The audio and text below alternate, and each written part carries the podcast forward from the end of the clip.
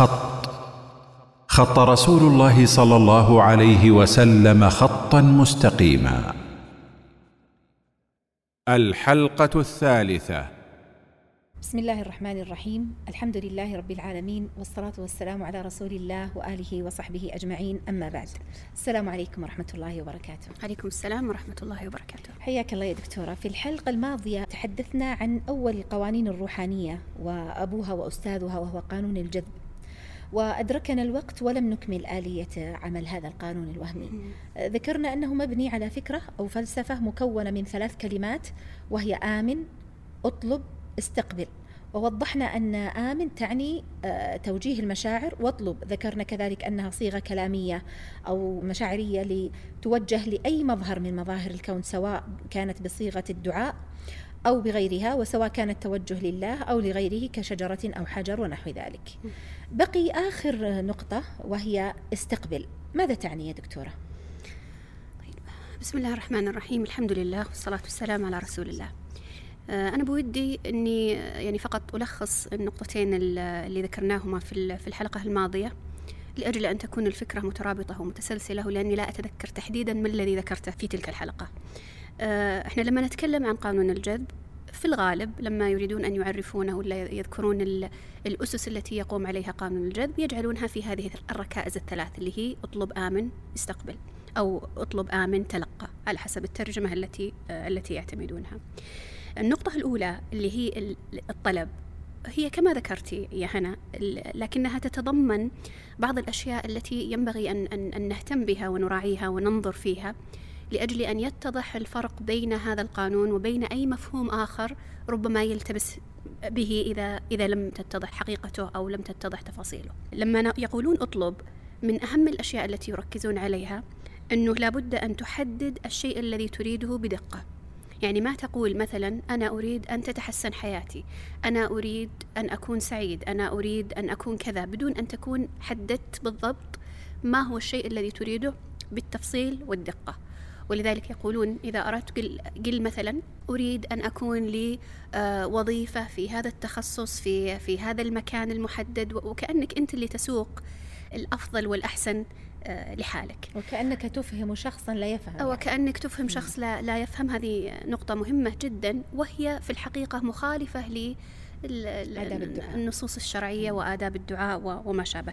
يعني قد قد يقال أنه يعني بالإمكان أنه الإنسان يعني ليس ليس الإنسان ملزم بأنه يدعو بالإجمال والعموميات. قد يريد شيء محدد فيدعو به على وجه التخصيص ما في إشكالية في ذلك. لكن المقصود أنه أن يكون كل نوع من الطلب أو الدعاء بهذه الصيغة هذا أمر غير غير مشروع حتى.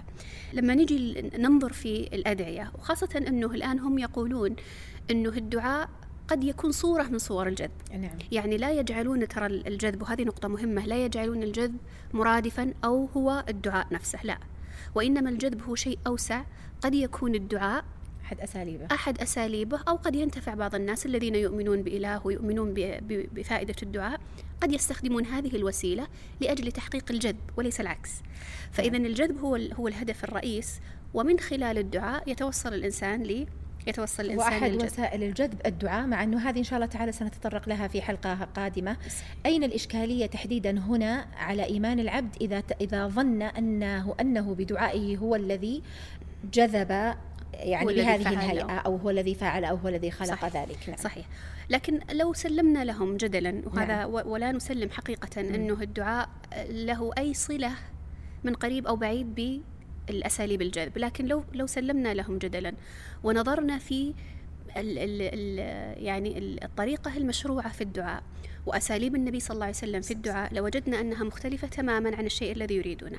بل إن النبي صلى الله عليه وسلم يعني مما ذكره أنه أوتي جوامع الكلم وجوامع الكلم هي العبارات المختصرة التي تحمل معاني كثيرة ولذلك من الدعاء المشهور مثلا ربنا آتنا في الدنيا حسنة وفي الآخرة حسنة وقنا عذاب النار. الآن آتنا في الدنيا حسنة هل حدد وش الوظيفة وش الزوجة وش لون البيت ولون الكنب ما حسنة في الدنيا وحسنة في الآخرة.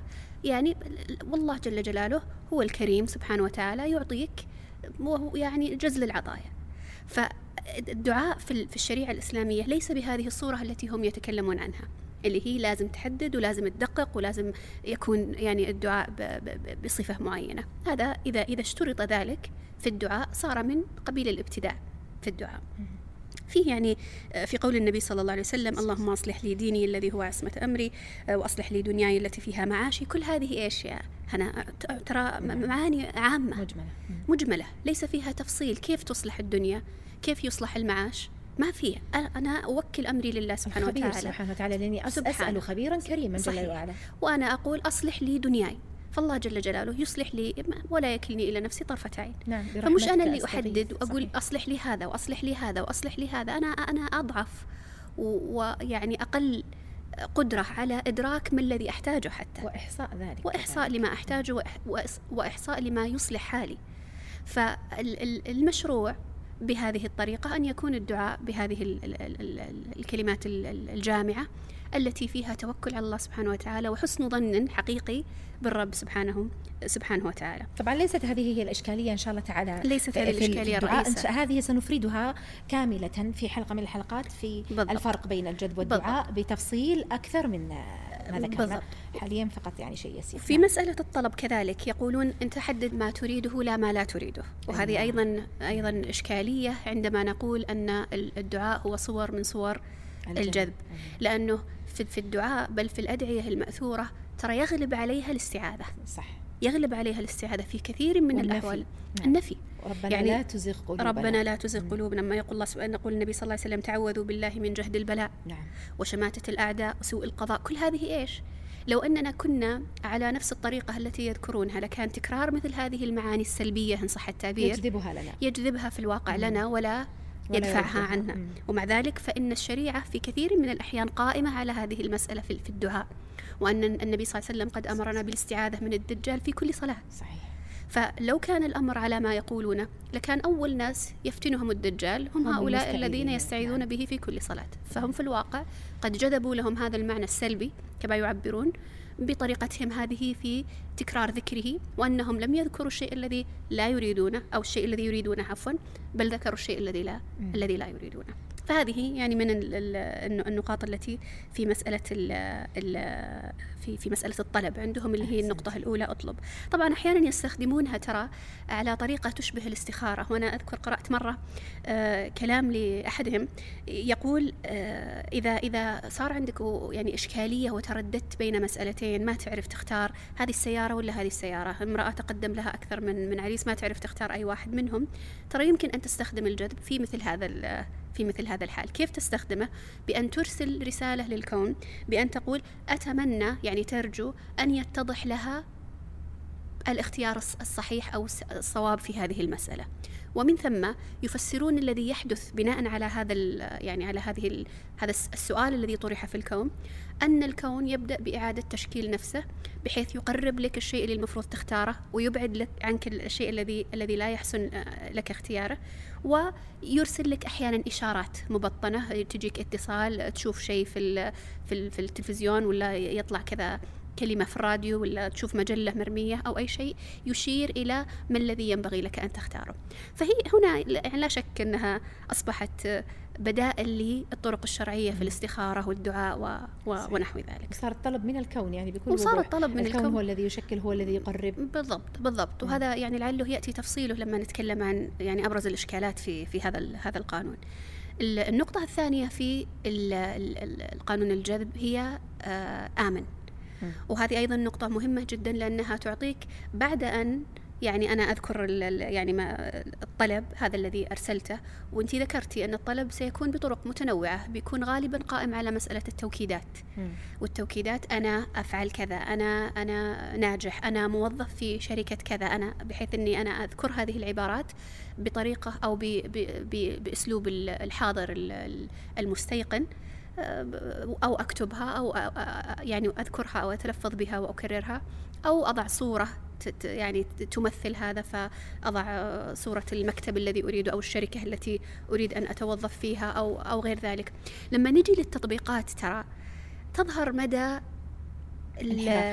مش بس الانحراف السخف الذي مم. الذي يعني تتضمنه مثل هذه الممارسة مم. لأنه في كثير من الناس قد لا يدركون الأبعاد الفلسفية والعقدية المخالفة في مثل هذه المعتقدات والممارسات لكن لما يأتون وينظرون في التطبيق نفسه ينفرون منه من, من, من, من ناحية عقلية. ولذلك أنا أتذكر قبل مدة قبل عدة سنوات يعني كانت في وحدة ألقت يعني جاءت من من الخارج وأرادت أن تلقي دورة في الجذب. وأذكر حصل فيه زي الضجيج في في في تويتر على بعض العبارات التي كانت تذكرها وكيف إنها كانت تقول مثلا أنت تبغى تحصل مبلغ كبير في مالك أو كذا تزيد رصيدك في البنك حط لك صورة شيك في سقف غرفة نومك فأول ما تستيقظ بتشوف هذا الرقم مثلا مليون ريال ولا اللي هو على على الشيك وتجذب من خلال هذه هذه الرؤية المتكررة لهذا الرقم المالي الكبير ستجذب هذا المبلغ لنفسك. هذه لو ما أدرك الإنسان وش الإشكالات العقدية التي فيها مجرد ترى أنه يشوفها ينفر منها صح؟ نعم. ويقول وش السخافة؟ اللي بحط صورة آه، بيت ولا بحط صورة آه، وبيجيني. آه، وبيجيني بطريقة أو أو أو بأخرى. فيكون فيه نوع من النفرة لأجل مثل لأجل مثل إيه مع أنهم يعني طبعا هم يجدون من يريد التوفيق بين هذه الفلسفة وبين يعني الأمور الصحيحة يجدون مخارج لمثل هذه لكن في الغالب يقعون في مطبات وهذه إن شاء الله لعلنا نتطرق لها في الشبه ممكن يقول لك مثلا أنا أحط هذه قدامي حتى يكون عندي نوع من الدافع للعمل لها وهذا بعد شوي الله سنتطرق لرده. نعم نعم, نعم صحيح. النقطة الثانية أو الركيزة الثانية التي يرتكز عليها قانون الجذب اللي هي آمن. وطريقة الإيمان المقصود بها نوع من اليقين بعمل. القانون. يعني إنه يكون عندك قناعة لما أنا أردد هذه التوكيدات وأقول أنا آه، حصلت على هذه النسبة في الثانوية العامة ولا حصلت هذه الدرجة في التحصيلي ولا حصلت على هذه الوظيفة. أنا موظف في شركة أرامكو مثلا. مم. ف وأنا أقول هذا الكلام وأكرره لابد أن يكون لدي يقين عندهم أني فعلا أنا سأحقق هذا الذي الذي أنا أرجوه طبعا في تساؤل وسؤال يطرح نفسه في هذا هذا المعرض اليقين بمن وبماذا أحسنتي. هذه نقطة ترى مهمة جدا لأنه صح. ممكن أحد يشكل عليه وأنا أتصور إن شاء الله بإذن الله ستحل كل هذه الإشكالات عندما نتناول الشبهات نعم لكن يعني الشيء بالشيء يذكر م. يعني ممكن أحد يقول طب لكن الإنسان الذي يدعو لابد أن يكون مستيقنا بالله م. هذا شيء ترى مختلف تماما لأنه القانون ليس قائما على الإيمان بالله. صح. بل كبار الذين يروجون لقانون الجذب ومنهم صلاح الراشد وغيره. يقول لك ترى ما القانون شغال للمؤمن والكافر واللي يؤمن بالله واللي ما يؤمن بالله. ومن ثم الشخص الذي يسأل والشخص الذي يطلب هو ليس بالضرورة يطلب من الله. حسن. فمعناته أنت واثق في إيش؟ أنت يعني مستيقن بماذا؟ معناته شيء ثاني يختلف عن الإيمان بالله سبحانه وتعالى. ولو كان بالله لما نفع الشخص الذي يطلب من غيره.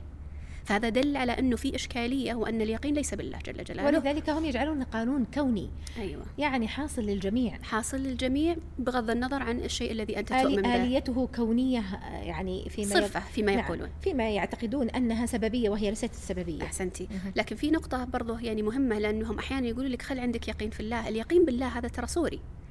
لأنه ليس شرطا.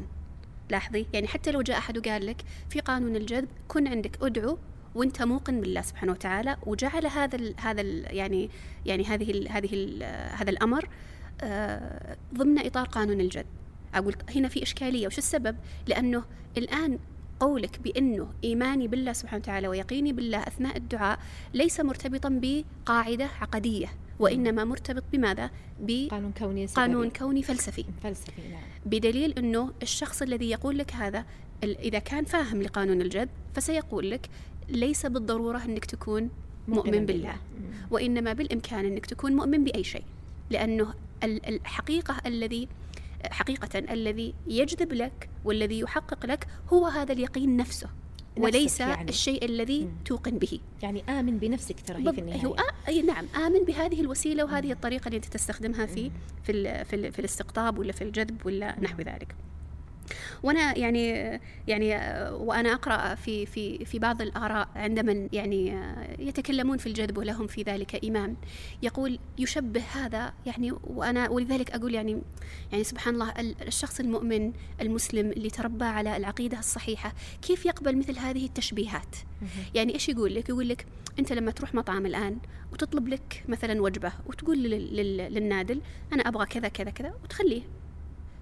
الآن أنت وأنت تنتظر ال ال ال الوجبة تحضر لك ما تشغل نفسك فيها عندك يقين أنه إنه بلغ ال ال ال النادل وال وال والطباخ في المطبخ هذا هذا الطلب وجالس يجهزها بس تحتاج إلى وقت حتى تحصل. حتى تحصل.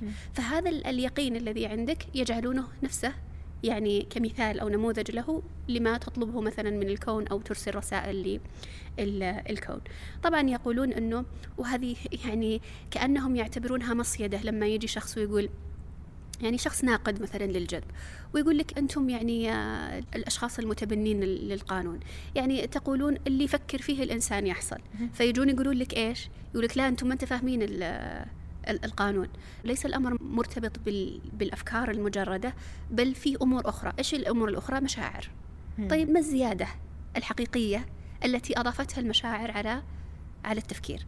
سؤال يعني ما الذي أضافته؟ ما في شيء يعني حتى لو افترضنا أنه اللي الشخص اللي جالس ينتقد ولا يناقش لم يدرك هذا البعد. يعني ظن إن قصدهم بالجذب إنه مجرد التفكير هو الذي يوصل إلى الفكرة دون أن يكون لديه خبر أو أو, أو علم بإنه لا في ترى عنصر إضافي اللي هو المشاعر أيوة. إيش تفرق. يعني بالفعل المشاعر. حقيقة. يعني الإشكال الذي في الأفكار هو نفس المشاعر نفس الإشكال يعني عفوا الإشكال الذي في المشاعر نفسه بالضبط. يعني, يعني لا تضيف أموري يعني لا مشاعري. بالضبط. يعني لا تضيف المشاعر. أي مفهوم إضافي أو أي خطوة إضافية تزيل الإشكال عن تزيل الاشكال عن عن مسألة مسألة الجذب في مسألة بل ربما تعمق الإشكال إنه كونك أنت بنواياك توجه وبمشاعرك توجه. اي فهي وش معنى مشاعرك؟ طبعا مشاعرك معناته أنت قاعد يعني في في فيه عاطفة فيه أيه. في إحساس تجاه هذا الشيء الذي الذي أنت تريده. مم. يعني مما يحفز هذه المشاعر شيء يذكرونه يقولون أكثر من التخيل. أنا أشعر إنه كثير من هؤلاء الناس يعيشون في في عالم وهمي. يعني يقول لك مثلا أنت تبغى سيارة من نوع معين.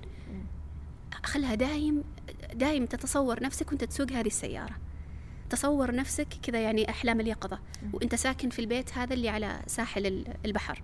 ولا تخيل نفسك وأنت اللي هو اللي أنت تتمناه أكثر من الخيال أو التخيل الذي هذول يا دكتورة مغثة يعني ما هو صحيح يعني بالضبط. ساعات تخيل هذا ولنفرض أنه ما حصل لي مثلا. بيجيني نوع من التحطم و24 ساعة أنا بصير يعني يعني متضايقة إنه ما وهذا هذه إشكالية يعني يعني من من الإشكالات التي تترتب على تبني مثل هذه الأفكار صحيح. ولعلنا يعني نأتي عليها إن شاء الله يعني لاحقا بشيء من التفصيل.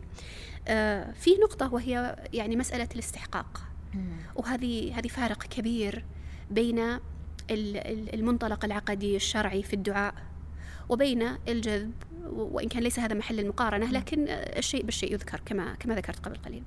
يعني لما يجي أحد ويقول لك أن الدعاء هو هو فرع من فروع أو وسيلة من وسائل الجذب ثم يقول لك لابد إنك تشعر أنك تستحق هذا الشيء الذي تريده. الله أكبر. فأنت لما تجي تقول أنا أريد منزل ولا أريد ولد ولا أريد آه، مال ولا أريد غير ذلك يعني لما تجي أنت ترسلها للكون المفروض إنك تحس بناء على معتقدهم بناء على هذه الفلسفة إنك تشعر أني أنا أستحق وإني أنا مؤهل لهذا لهذا لهذا الطلب الذي أنا أريده. في المقابل إحنا لما نجي فنسأل الله سبحانه وتعالى من هذا الذي لا يستحي؟ فيرفع يديه لله سبحانه وتعالى ويقول له أنا أستحق هذا الرزق الذي ستعطيه بل الإنسان يعلم أن الله سبحانه وتعالى متفضل عليه لا يستحق مما يرزقه الله سبحانه وتعالى شيء. يعني الله سبحانه وتعالى لو لم يعطيك إلا هالعينين هذه لما استطاع الإنسان شكرها إيش يستحق بالضبط فالآن يعني النعم التي يعطيها الله سبحانه وتعالى للعبد كلها زائدة ترى عما صحيح. كلها زائدة عما يستحقه اللي موجود عنده مهما كان في حالة من البلاء ترى صحيح. فهو يعني مغرق بالنعم من الله سبحانه وتعالى فكيف بمن يأتي بعد هذا واحد مرفه وعنده سيارة وعنده كذا وعنده وعايش في في صحة وفيه يعني بيت يغطي رأسه ويستره ثم يقول ألا أنا أستحق مليون ريال وأنا أستحق السيارة هذه وأنا أستحق. فلا يمكن أن يقال إنه هذا ال هذا ال يعني هذا القانون الفلسفي بما فيه من من هذه التفاصيل هو مرادف ولا أنه نظير ولا أنه جزء من أو أنه مظلة؟ للدعاء. نعم ومن ذا الذي يستحق على الله جل وعلا. بل الإنسان يفتقر إليه سبحانه. صحيح. ولذلك يقولون لما يأتون يقولون إذا عملت هذه الخطوات وآمنت فإنك لا تفكر في كيف بيحصل لي هذا الشيء. كيف بيحصل لي؟ يعني أنا أنا طلبت الوظيفة المعينة وخلاص أرسلتها للكون. مش شغلي إني أقول لكن كيف تبي تجيني هذه الوظيفة؟ لا لا الكون بيدبر نفسه حتى يوصل لك هذه هذه الفائدة. ومرة أنا أقرأ كنت أقرأ لأحدهم يذكر تجربته مع الجذب وعودته عنه. يعني آه، السبب الذي جعله يعني يعني يترك مثل هذه الأفكار. فكان يقول إنه أنا دخلت في موضوع الجذب والقضية أطلب آمن واستقبل وكل ما يطلبونه مني كنت أطبقه. ولا ألاحظ أنه يعني زاد. أنه حصل لي الأشياء التي أنا أريد أن أجذبها. م. يقول فأصبحت أذهب لهذا وهذا وهذا وكل كل اللي هم رواد هذه الفكرة. وأذكر لهم قضية أنه يعني ما أنا ما تحقق لي. في فدائما يرجعون اللوم علي أنا. فأنت اللي آه، أكيد أنك متعلق أكيد أنك ما تحس أنك تستحق أكيد في فيقول لا لا أنا حسيت أني أستحق وأحس أني كذا. فيقول لا لا يمكن في باطنة نفسك. لا تستحق تشعر بعدم استحقاق وهذا يدفع مثل هذه هذه الأمور يقول ف يعني كنت يعني أشعر بمثل هذا النوع من يعني المخارج التي يتخذونها إيه. حتى يبررون عدم تحقق مثل هذا هذا الأمر يرقعون يعني هذا أيوة القانون المخرب. كل ما كل ما وجدوا فيه ثغرة مم. قالوا لا السبب ليس القانون والخلل ليس في القانون السبب أنت الخلل فيك أنت وطريقة ممارستك لهذا لهذا القانون تحطيم ما بعده تحطيم بلا شك عجيب. ولذلك يعني كان يذكر أن السبب الذي آه الذي جعله آه يترك. يترك يقول قال يعني أنت ترى القانون يفعل وينجح ما لم تستعجل. يقول فتذكرت الحديث أنه لا يزال يستجاب لأحدكم نعم. حتى حتى يستعجل أو, نعم. أو كما قال النبي صلى أو ما لم نعم. يعجل. نعم كما قال النبي صلى الله عليه وسلم. فهو يقول أنه يعني لما لما راجعت نفسي ووجدت هذا النوع من المنافسة للدعاء الشرعي عاد إلى الطريقة الشرعية في الدعاء. وما صار يستخدم طريقة في الدعاء آه، مبتدعة ويعني محرفة تتوافق مع معطيات الجذب وإنما الطريقة المشروعة في الدعاء. يقول فوجدت كثير من الأشياء التي صرت أدعو الله سبحانه وتعالى بها تتحقق. الله وما لم يتحقق منها ما صار يشكل عليه ويلوم نفسه ولا صح. يعلم أن الله سبحانه وتعالى يستجيب الدعاء. صرف عنه من الشر مثلها أو أنه ادخرها له سبحانه وتعالى في في الآخرة. فإذا نكثر قال الله أكثر. الله فما ما عاد صارت في هذه هذا الاضطراب وال وال والجري خلف الدنيا وخلف النتائج التي تترتب على يعني على مثل هذا عن المشروع إلى غير المشروع بطريقة من التلبيس. لا شك لا شك. وهذا يعني يمكن تذكرين يمكن تطرقنا له سابقا. كنت لا أذكر نص كلام شيخ الإسلام ابن تيمية وليس بين يدي. لكن كان كان مما ذكره أنه ما دام الإنسان يستغني بغير المشروع فإنه لا بد أن يزاحم هذا أو يستغني عن المشروع صحيح فإذا حتى ولو كان الشيء مباحا فكيف إذا كان الشيء أصلا مخالف للشريعة صحيح. ولا مخالف للعقيدة إذا ولا أكثر منه شبع إذا ف... شبع في... فلا... فلم يعد يتقبل الشيء نعم. المشروع ولا يتذوق المشروع صحيح بشكل صحيح, صحيح. والفرق دي الدكتورة الآن يعني بشكل سريع بين المؤمنين بقانون الجذب كيف يحصل عندهم من الاضطراب واللوم لأنفسهم وعدم التوازن وإلى آخره في سبيل تحقيق هذه الأمنيات الوهمية التي لن تتحقق إلا بقدرة الله وبإرادته وما كتب لك من رزق. وبين الإيمان بالأمور المشروعة كالدعاء الذي فيه نوع من الافتقار والتذلل لله ثم الرضا الرضا بما قسمه الله سبحانه وتعالى سواء أتاني أو لم يأتيني. هذا كله يحدث نوع من التوازن والطمأنينة والهدوء النفسي فرق شتان. الحقيقة هذا الكلام إن شاء الله سنتحدث عنه لاحقا لكن حضرت يعني في هذا الموضوع. مناسبته وجميل أني أنبه إليه. نعم, نعم أكملي تفضل يعني النقطة الأخيرة ويعني يعذروننا المستمعين التشويش ففيه يعني مطر في, في الخارج. نعم. آه لكن النقطة الأخيرة اللي هي استقبل أيوة. والاستقبال ربما أشرنا إلى شيء من ذلك اللي هو أنه يكون الإنسان منهمك في المشاعر ومجهز مستعد له في في مكانه ولا في في في غير ذلك. يعني بمعنى إنه يكون يشعر وكأنه قد حصل هذا هذا الأمر ثم إنه إذا أتاه يعني يتقبله ويعني يفسح له المجال في في الحضور في حياته. وذكرت ربما في الحلقة الماضية الآن يعني كأني أتذكر إنه في الحلقة الماضيه ذكرت لك إنه لما إيه. قالت روندا بيرن في في في كتابها إنه يعني أزيحي المنطقة حتى يفرغ يأتي زوج المستقبل. يأتي زوج المستقبل فيكون في فراغ في في الدولاب ولا وقفي السيارة على جنب في, في الجراج عشان يكون في مكان علشان لما يأتي هذا الرجل مكانه رده. أيوه فأنت الآن عندك عندك مساحة لاستقباله فهذا نوع من أنواع الاستقبال. الاستعداد أو الاستقبال. الاستعداد أو الاستقبال. وهذا يا هنا اللي ذكرت لك قبل قليل إنه أحيانا بعض الناس ينفرون من مثل هذا ال- الساذجة هذا ال- الاطروحات الساذجة. ال- من من. خلال هذه الأمور التي يعد يعد يعدونها سخفا. نعم. وترى ما في إشكالية أنه الإنسان لما يريد أن يحذر من مثل هذه الممارسات ويشعر أن الناس اللي أمامه أنه الناس اللي أمامه قد لا يستوعبون الأبعاد الفلسفية. نعم. أنه يبرز هذه الجوانب التافهة السخيفة التي تنفر وتجعل الإنسان لا يريد أن يكون ينسب إلى مثل هذا النوع من الاعتقاد أو هذا النوع من الممارسة فما في بأس. واحد ما هو مستوعب ال- الأبعاد الفلسفية أقول له شوف ترى وش يسوون وك... وهذه طريقتهم ترى فربما يستحي أن وكوننا ندفع الناس ونبعدهم عن مثل هذه الإشكالات بأي وسيلة كانت أمر محمود بإذن الله. صحيح. احسنت الله يبارك فيك. نسعد باشتراككم وتقييمكم.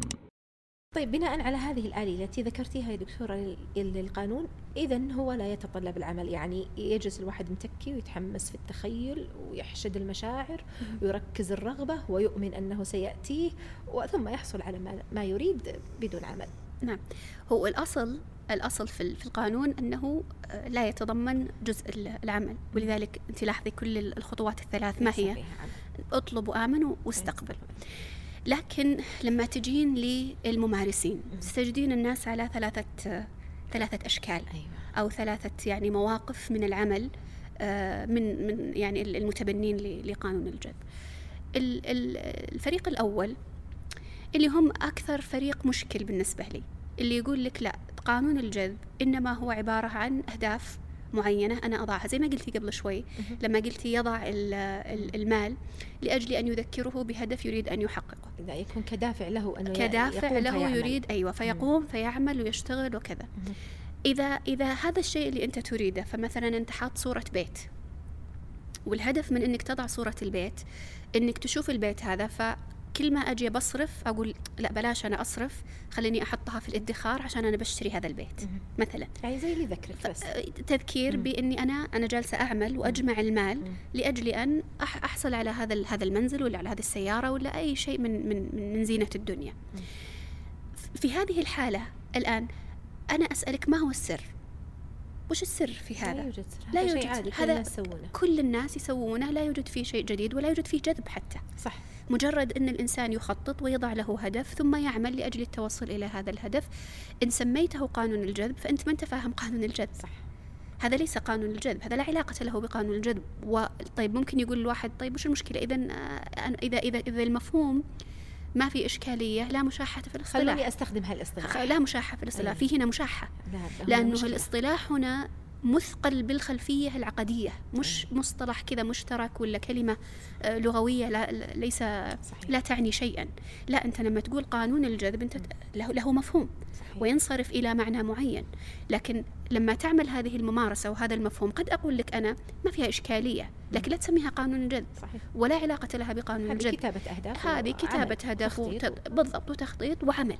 نعم. فإذا كان العمل يعني مدمج بالخطة ما عاد صار الآن قانون جذب ولم لم يكن. هناك نسبة لهذا الشيء الذي وضعته أمامي أنه هو سبب آه، حصول مثلا هذا العمل أو بالضبط. أو تركز المشي أو هو سبب مثلا إرسال ذبذبات صح أو صح. أنه المقصود أنه لا يوجد فلسفة لا يوجد فلسفة مرتبطة هنا. أحسنتي بهذا يعني فهذا أبدا لا علاقة له. بقانون الجذب فالمفترض أنه على هذا على هذا القول يعني قول الفريق الأول المفترض أنه يصير إيش؟ المفترض أنه سواء أنا آمنت بقانون الجذب ولا لم أؤمن بقانون الجذب سواء آه، كانت أفكاري إيجابية ولا كانت أفكاري سلبية سواء صبحت بالتوكيدات ولا ما صبحت أيوة. بها المهم إني أنا عملت.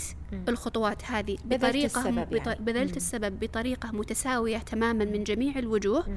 فالنتيجة ستكون متقاربة في النهاية صحيح. فإذا إذا كان هذا المقصود فمعناته صارت التوكيدات وصارت هذه ليس لها مفهوم ولا دلالة وليس له لها أثر. عن اللازم. بالضبط فصارت ليس لها أثر. ومن ثم إذا الذين يقولون بهذا نقول لهم أنتم عندكم إشكالية ترى في فهم قانون الجذب ولا يصح تسميتكم إن كنتم ما ما تتطرقون لقضية ال- الذبذبات ولا لقضية ال- الانعكاسات ولا لقضايا الفلسفية الداخلة في ال- في القانون. فهذا الذي أنتم تسمونه قانون الجذب ليس حقيقة. قانون الجذب ومن يقحم هذه الفلسفات هو ينسب شيء يعني للكون أحسنت. ويكفر بنعمة الله عز وجل أحسنت. بدل ما يقول الله عز وجل الذي امتن علي وتفضل علي بذلك أي. وبذلت السبب والحمد لله وفقني ربي بالضبط. إلى آخره يعني- أقحم فلسفة بديلة وهو يعني لا حاجة له فيها بل حتى في الأسباب ال- الدنيوية يعني هذا مثل واحد يروح لل- لل- للسكر مم. ثم مثلا يشرب معه ي- أو بلاش يشرب حتى يردد ترانيم معينة أيوة ولا كلمة معينة. ثم إذا إي. ولا يحط طاقية ولا يلبس أصفر ولا يعمل ولا يحط شجرة في في في ركن المنزل. ثم لما ينضبط عنده السكر مم. قال إيه السبب؟ القبعة ولا القبعة ولا الشجرة ولا أيوة. لاحظي؟ فترك السبب الحقيقي اللي هو في قانون في الفريق في, في كلام الفريق الأول العمل والخطوات اللي اتخذها ونسب صح. الفضل لهذه الخرافة التي لا وأثقل نفسه بهذه الفلسفة والخرافة التي بالضبط. قد يكون ووقع في الإشكال ترى. ووقع في الإشكال الشرعي. يعني مم. إحنا لما أنا أقول لك ال- الفريق الأول في الغالب يعني إذا كان يقول بهذا فليس في إشكال شرعي. ترى هذا إذا إذا لم يقحم في هذا ال- في هذا الفعل أو في هذا الاعتقاد أي فلسفة دخيلة. نعم وينسبها إليها. يعني لا لكن لو لو جاء واحد وكان معتقد بال- بالجذب كمنظومة متكاملة لكنه أدخل معه العمل. ما خرج ترى من الإشكالية. وهذا سنأتي للأسباب اللي, اللي تجعل هذا مشكل. لكن أقول لو افترضنا أنه لم يدخل ال- ال- الجانب الفلسفي في في في في تصرفه هذا واعتمد على قضية ال- ال- العمل والتوكل على الله سبحانه وتعالى وفعل الأسباب إلى آخره فلا فأنا يحق أقول له أن يسميه, أن يسميه جذباً قانون أو الجذب. قانون الجذب بالضبط. ممتاز. هذا الفريق الأول. هذا؟ الفريق الأول. الفريق الثاني يدخلون العمل لكن يدخلونه صوريا. وهذا ترى أغلب ال ال يعني الممارسين العرب هذا الذي شاهدته. الكبار الممارسين. يعني. يعني مثلا زي صلاح الراشد ولا زي أحمد عمارة لما يتكلمون عن ال- الجذب يقولون مين قال أنه ليس فيه عمل؟ لكن لما نجي ونحقق في مسألة ما هو العمل الذي ال- المراد في مثل هذه الممارسات سنجد أنه عمل في الحقيقة صوري. إما أن يكون العمل هو هذه الترنيمات هذه. بالضبط. هذه الت- هذه ال- ال- الممارسة نفسها. مم. بمعنى أنك تعمل تعمل توكيداتك تكتب ال ال يعني تكتب التوكيدات مثلا 21 مرة آه، تعيش ال- الحالة التي تريدها تفعل كذا. كل الأشياء المتعلقة في فيجعلون أو يطلقون على هذه الأفعال بأنها العمل. آه. فما يقولون أنت جالس بس جالس في في فراشك وتفكر. لا.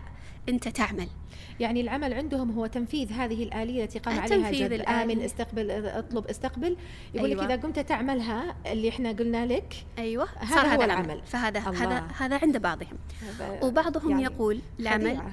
بالضبط وهذا هذا هذا عمل عند بعضهم وبعضهم يقول إنه العمل هو عبارة عن آه يعني آه التحرك اليسير لاستقبال هذا ال-. هذا ال- هذا الفعل يعني مثلا كم من الأمثلة التي ذكروها أنه أنت تريد أنك تجذب لنفسك وظيفة. مهم. ف يعني وظيفة معينة ومحددة. فجيت أنت عملت التمارين كلها فجاك اتصال من خالك ولا من ولد عمك وقال لك أنا جلست مع واحد في مجلس وشرحت له كذا وقال خله يجي أعمل معه مقابلة. فأنت الآن رحت وعملت المقابلة. هذا هذا هو العمل. فليس العمل هو الذي جلب لك الوظيفة. وإنما الجذب والتمارين اللي واللي فعلتها. جاب الخالق هو اللي الكريم. جاب خالك وجلس جنب الرجال ودعا واتفقوا على الوظيفة. ثم بعد ذلك أنت ذهابك للمقابلة ولا حتى ذهابك للدوام؟ استجابة. هذا هو العمل الذي ولذلك يقولون لأنه أصلا غير منطقي صح. أنه ما راح يعمل ولا هذا. صح صح. لأنه يعني يعني بيرسلوا لك عقد ال- التوظيف وأنت في المنزل ما قدمت حتى ولا. كلمتهم ولا شيء. غير يعني غير منطقي وغير عقلاني. ولذلك يجعلون هذه الجزئية اللي هي مبادرتك ل يعني أنك تقطف الثمرة يعدون هذا هو يعني العمل. كأنه التجاوب مع استقبال. كأنه التجاوب نعم, نعم. مع مع استقبال أو نوع من الاستقبال. القبول. أيوة نوع من الاستقبال. أنا نوع من قبلت اللي جاني. الاستقبال نعم. فهذا اللي هو ال- الغالب الذي يغلب على طيب. كلامهم لما يتكلمون عن العمل. يعني كأنها تعمية بس. تعمية. أحسن. ليست عمل حقيقي. أيوة. مش إنه أنا بجذب معناته أنا بروح أخذ دورات مم. مناسبة لهذه الوظيفة التي أريدها. مم. ثم بعد ذلك أقوم أرسل وأقدم على كل ألو... ال- ال- المكاتب ال- أو الشركات اللي فيها هذه الوظيفة. ثم أذهب و... وأسعى وأتعب. وأتعب وأعمل كل المتطلبات التي يريدونها. هذا مش مش جذب هذا. هذا ليس جذب هذا سعي. صحيح. لكن إني بس أنا جالس في بيتي وأرسل المشاعر الإيجابية ثم الكون يتحرك بطريقة شبه خارقة. لأجل أن يوفر لي الوظيفة التي أريدها هذا الفريق الثاني والعمل الصوري الذي وانتظر يعني اكشن في حياتي وحاجة كذا تحصل لي بعدين أنا أستجيب معها. أيوه يعني مم. أقطفها. أيوة. لما تجيني الفرصة أخذها. مم. مش إني أخليها تمر من عندي مم. لا أنا لما تجيني وتوصل بدل ما أقول هذا رزق ساقه الله, لي ودبر لي تدبيرا حسنا أقول أنا جذبته. أنا جذبته والكون دبر لي ولا حول ولا قوة إلا يعرفون نعمة الله ثم, ثم ينكرونها. نعم. الفريق الثالث وهو الأصل في في الجذب. الذين يجعلون العمل ليس جزءا من من الجذب اطلاقا. ولا يذكرون العمل ك يعني تلبيس صوري مثل ما يفعله أصحاب الفريق الثاني، يعني هم لا شك ما في أحد يقول لك ما تقطف الثمرة لما تمر من عندك، لكن لا يسمون هذا عملا لأنه هذا هو الواقع، هذا ليس عمل. صحيح. أنت لما تجي تقول أبغى شيء معين ثم يجي عند بابك وتقوم تركب السيارة اللي أنت جذبتها، ليس هذا عمل. وهكذا الفريق الثالث يعترف بأن هذا ليس بعمل. ولذلك أستر هيكس تقول أستر هيكس من كبار المروجين لقانون الجذب وهي يعني يحيل إليها الراشد وغيره في في في في طرحهم لفكرة الجذب. تقول أنك لم تأتي لهذا لهذا الوجود لأجل أن تخلق من خلال العمل. هكذا تصرح. تخلق بدون عمل. تخلق بدون عمل. الله العافية. نعم. فأنت لم تأتي لهذا لهذه البيئة أو لهذا المكان أو لهذا الوجود لأجل أن تخلق بعمل وإنما مفهوم الكلام هذا نص الكلام.